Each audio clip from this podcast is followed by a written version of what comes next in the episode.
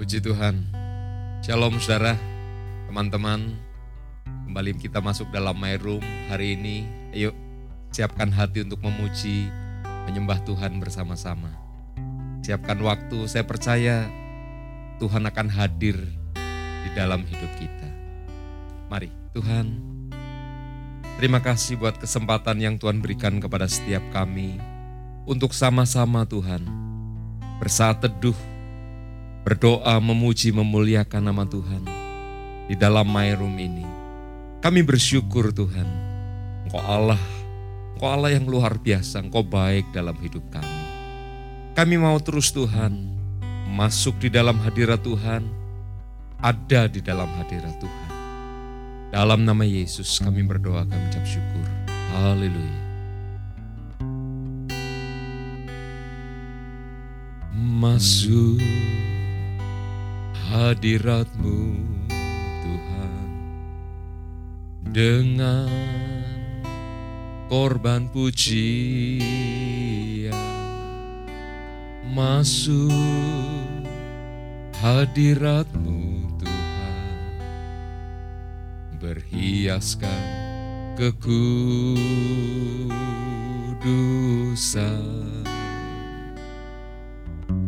di hadapan hadiratmu Tuhan.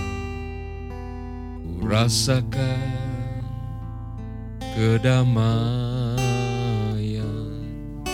di hadapan hadiratmu Tuhan. Ku nampak keagungan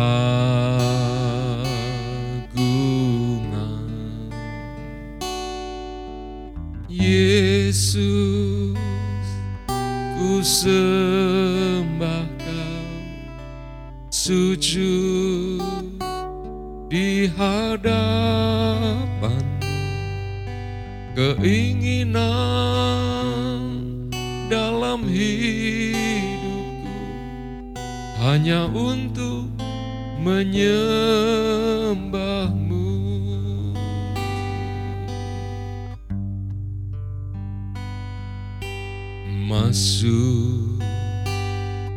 hadiratmu Tuhan. Dengan korban pujian masuk hadiratmu Tuhan. Berhiaskan kekudusan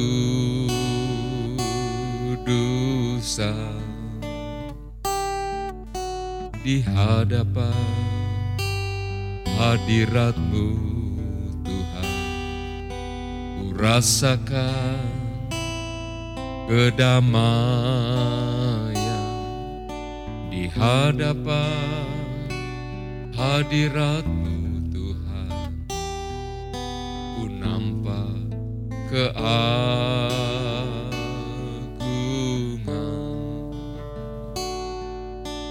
Yesus ku sembah kau sujud di hadapanmu keinginan dalam hidupku hanya untuk menyembahmu Yesus. Yesus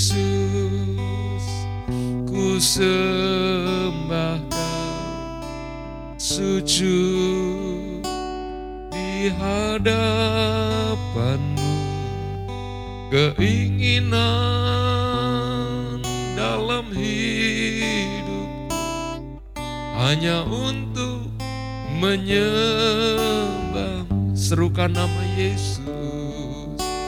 Yesus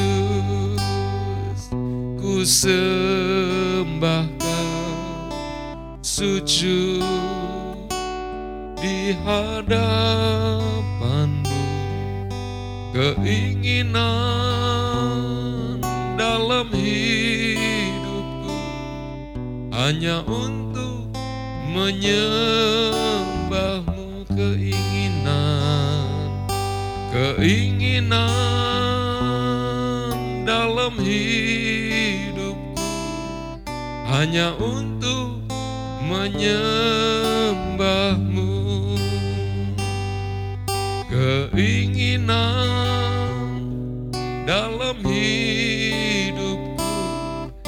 hanya untuk menyembahmu. Ya Rama Sikara Lamara Terpujilah namamu ya Tuhan. Oh terpujilah namamu Kami masuk di hadiratmu Ya Rama Sikara Lamara Lapapara Lama Sikara Lama Oh kami tinggikan namamu. Kami agungkan engkau Yesus. Mari saudara kita menyembah Tuhan Haleluya Haleluya Terpujilah namamu. Ya Rasekarala marala bapa takarala nataka. Haleluya Terpujilah namamu Terpujilah namamu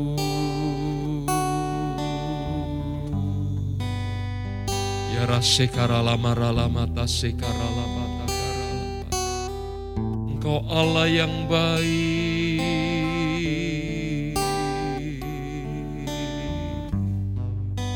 Terpujilah namamu Yesus. Kami tinggikan, kami muliakan Engkau. Kami agungkan namamu Biar hadirat Tuhan boleh datang atas setiap kami pada saat ini Tuhan Yesus. Kami yang ada di rumah kami masing-masing. Kami yang ada di kamar kami Tuhan. Mungkin kami sedang dalam pergumulan demi pergumulan. Tuhan saat ini hadirat Tuhan menjamah setiap kami. Ora kapa sekarata karala. Yera sekarala mata karala pataka karala pataka. Oh Tuhan kau mengurapi setiap kami saat ini Tuhan. Kami yang ada di tempat ini Tuhan juga kau mengurapi setiap kami. Lekara sekara lama sekora papa takara Roh Kudus datang dan menjamah. Roh Kudus datang dan menjamah setiap hati. Sehingga setiap hati mengalami hadirat Tuhan. Masuk di dalam hadirat Tuhan. Setiap hati boleh menampak kekudusan. Setiap hati boleh nampak keagungan Tuhan. Setiap hati boleh merasakan kedamaian di dalam nama Yesus. Haleluya. Haleluya, haleluya.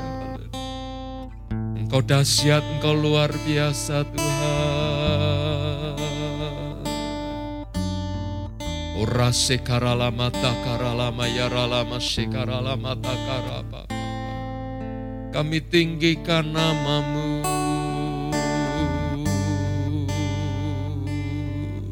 Mari, mungkin ada di antara kita yang sedang gundah gulana. Kita sedang mengalami pergumulan demi pergumulan. Mari fokus sama Tuhan Yesus. Dia baik dalam hidup kita. Dia sangat baik dalam hidup saya dan saudara. Dia siap untuk menolong kita. Yang diperlukan adalah kita berserah kepada Tuhan, memberi diri kepada Tuhan, masuk di dalam hadiratnya. Memang masuk di dalam hadirat Tuhan adalah sesuatu yang indah, yang luar biasa. Tapi Tuhan juga minta supaya kita berhiaskan kekudusan. Mari mungkin ada dosa, mungkin ada beban yang begitu merintangi kita untuk masuk di dalam hadirat Tuhan. Mari kita tanggalkan beban itu. Kita lepaskan dosa-dosa. Minta ampunlah saat ini sama Tuhan. Sehingga kita bisa masuk kepada Tuhan. Masuk dalam ruang tahta.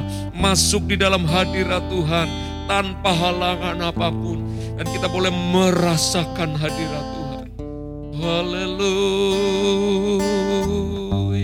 Terpujilah namamu. Terpujilah namamu Tuhan.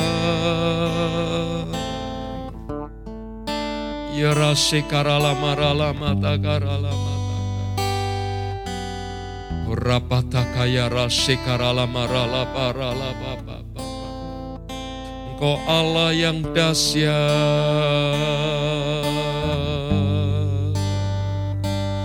Saat ini alami hadirat Tuhan. Jangan tinggal dalam kekalahan, jangan tinggal dalam kekeringan. Mari saudaraku, teman-teman masuk di dalam hadirat Tuhan. Di dalam Tuhan ada kesegaran yang baru. Di dalam Tuhan jiwa kita akan disegarkan kita akan dibawa ke tempat yang berair yang tenang, ke tempat ke padang rumput yang hijau. Jiwa kita akan disegarkan. Haleluya. Haleluya, haleluya, haleluya. Ya ralama shekaralama ralama ralama. Ya rapatakaralama shekurapapapatakarapapa. Terpujilah namamu Tuhan.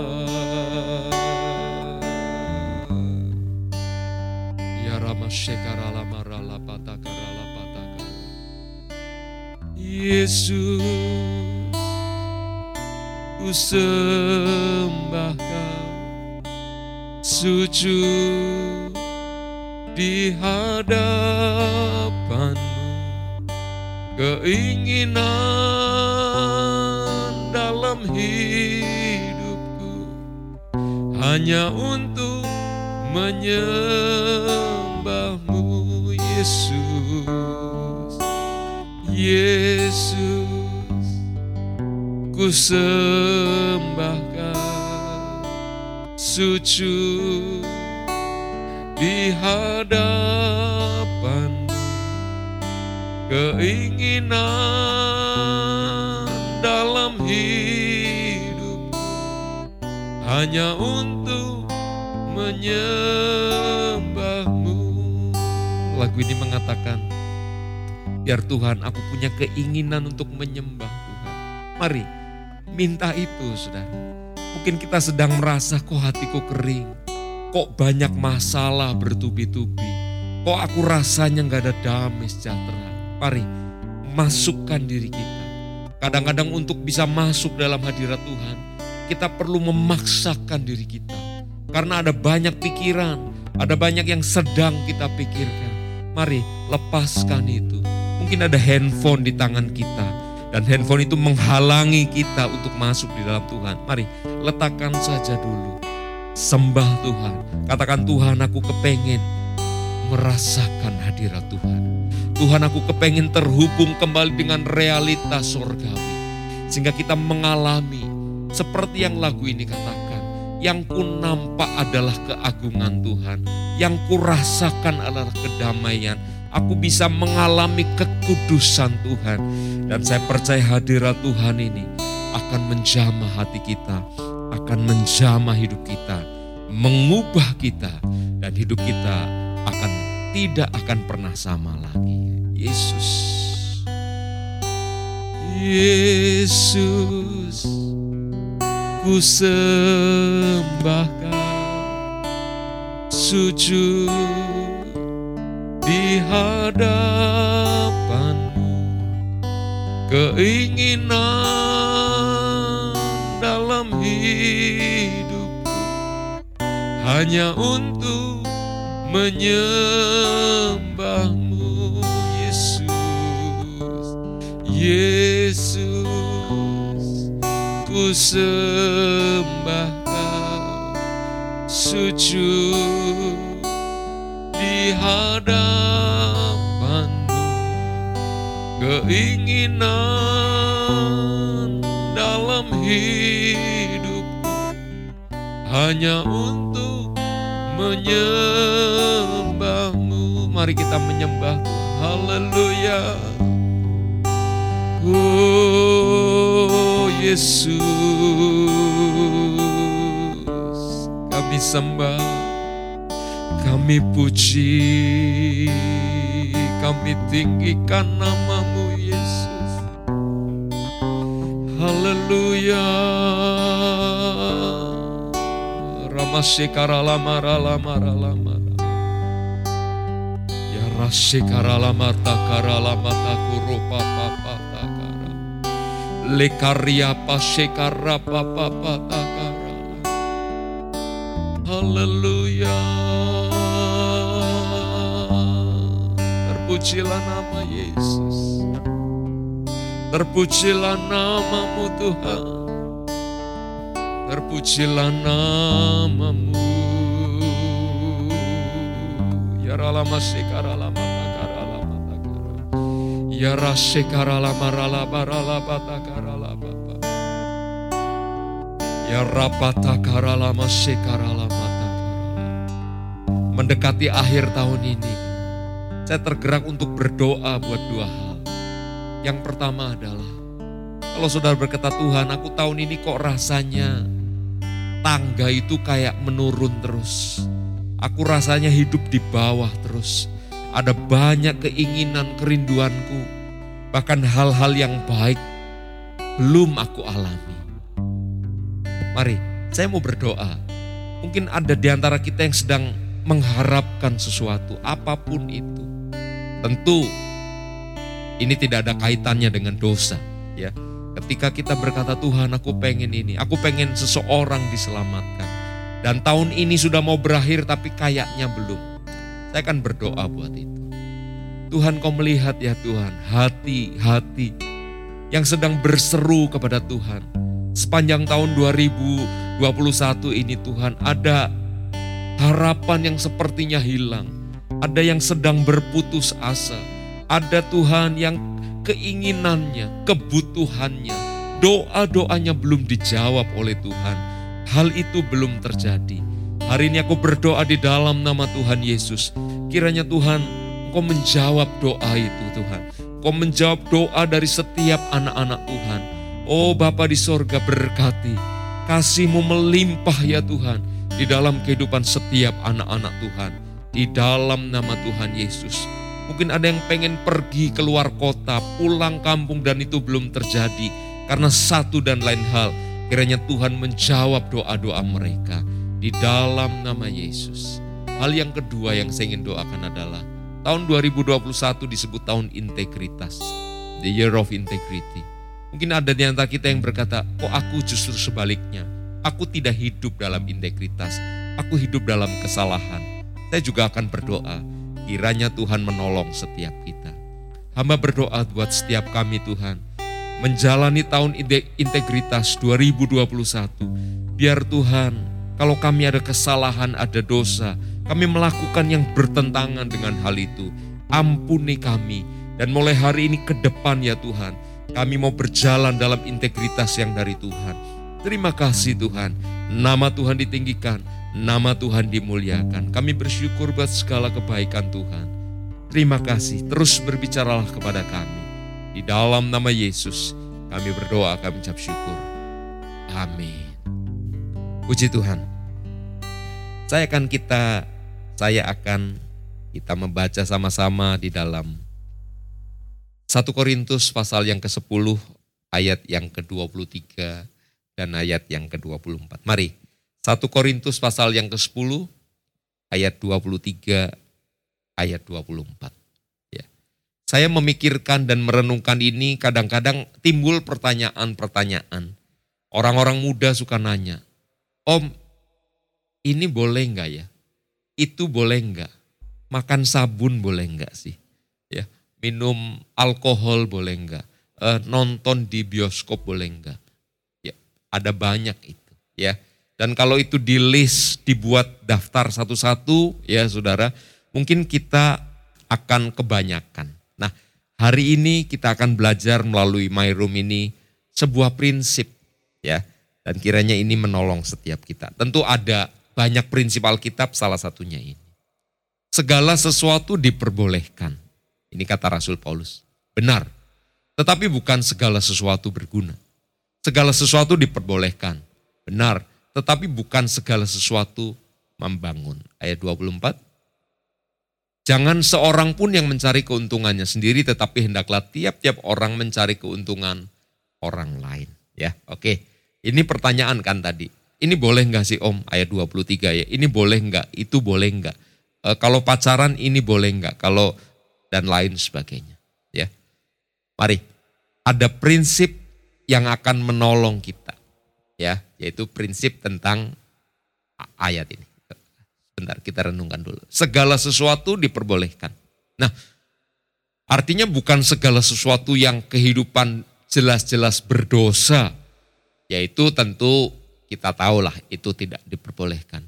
Tapi ada hal-hal yang dalam hidup ini sepertinya apa ya? Orang tuh bingung, ya. Mungkin anak-anak muda bingung. Saya ini dengerin musik-musik umum boleh nggak sih?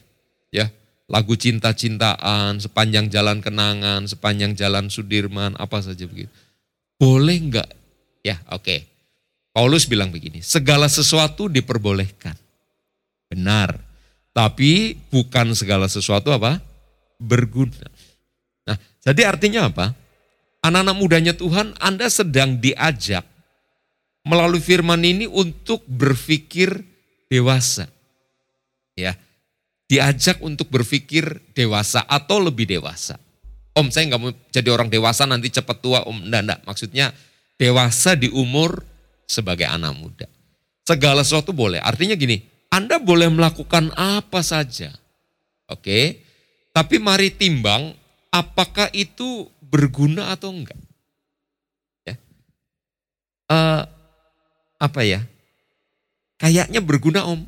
Udah, go ahead ya asal bukan perbuatan dosa ya. Jadi kita diajak untuk menimbang, untuk berpikir, boleh enggak ya? Boleh enggak ya? Jangan boleh enggaknya, tapi berguna atau enggak ya? Ya, itu berguna enggak kalau saya melakukan itu? Segala sesuatu diperolehkan benar, tapi bukan segala sesuatu membangun. Ya, membangun apa? Apa saja? Membangun karakter kah? Ya. Kalau misalnya sebuah hal membuat kita justru meruntuhkan karakter yang sudah dibangun selama ini, ya Anda tahu jawabannya. Berarti aku tidak akan melakukan itu. Ya, kita belum bicara soal pimpinan Roh Kudus gitu ya, belum ya. Tapi kita diajar untuk berpikir lebih dewasa. Ya. Kalau saya melakukan ini, oke okay enggak ya? Nah, itu uh, indikatornya atau tanda-tandanya, rambu-rambunya. Berguna enggak satu? Yang kedua, membangun enggak? Atau yang saya lakukan ini justru membangun, sorry, meruntuhkan karakter yang sedang saya bangun. Ya, karakter. Yang kedua, membangun iman atau kerohanian atau tidak. Kalau yang saya lakukan ini meruntuhkan karakter e, kerohanian saya, ya Anda tahulah. Ya, meskipun kadang-kadang sebuah hal itu menyenangkan. Coba kalau saya tanya anak-anak muda, lebih senang minum jamu atau sirup? Oh mana muda sekarang nggak minum sirup? Oh ya. Ya minum yang aneh-aneh lah namanya apa sih? Banyak itu yang aneh-aneh itu ya. Prinsipnya sih air soda, kasih rambutan, kasih warna merah ya. Diaduk-aduk dikasih nama nama Jepang, nama Korea ya. Kita bangga minumnya, harganya juga bangga 72 ribu. Habis itu puasa empat hari. Nah, uh, gimana ini? Ya, segala sesuatu diperbolehkan, tapi membu berguna enggak? Membangun enggak ya? Hal itu tuh membangun saya enggak? Uh, kayaknya enggak sih om. Iya, ah itu. Mari kita mulai berpikir seperti itu. Ya.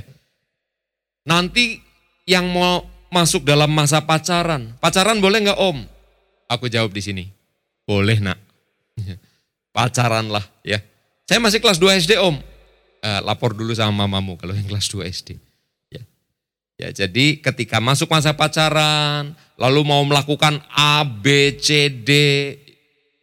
Ini berguna enggak? Ini membangun atau meruntuhkan kerohanian yang sedang saya bangun nih. Ya. Kalau ini meruntuhkan, ya jangan. Tapi kalau ini membangun kerohanian, membangun karakter, lakukanlah itu. Ya. Nah kadang-kadang orang pengen yang menyenangkan. Ya seperti tadi saya ngomong soal minum minuman manis dibanding jamu. Orang lebih senang minuman manis. Tapi minuman manis membuat gigi Anda menjadi rusak. Ya, minum jamu meskipun pahit e, menjadi lebih sehat. Ya, jadi mari kita mulai memikirkan bukan boleh nggak bolehnya.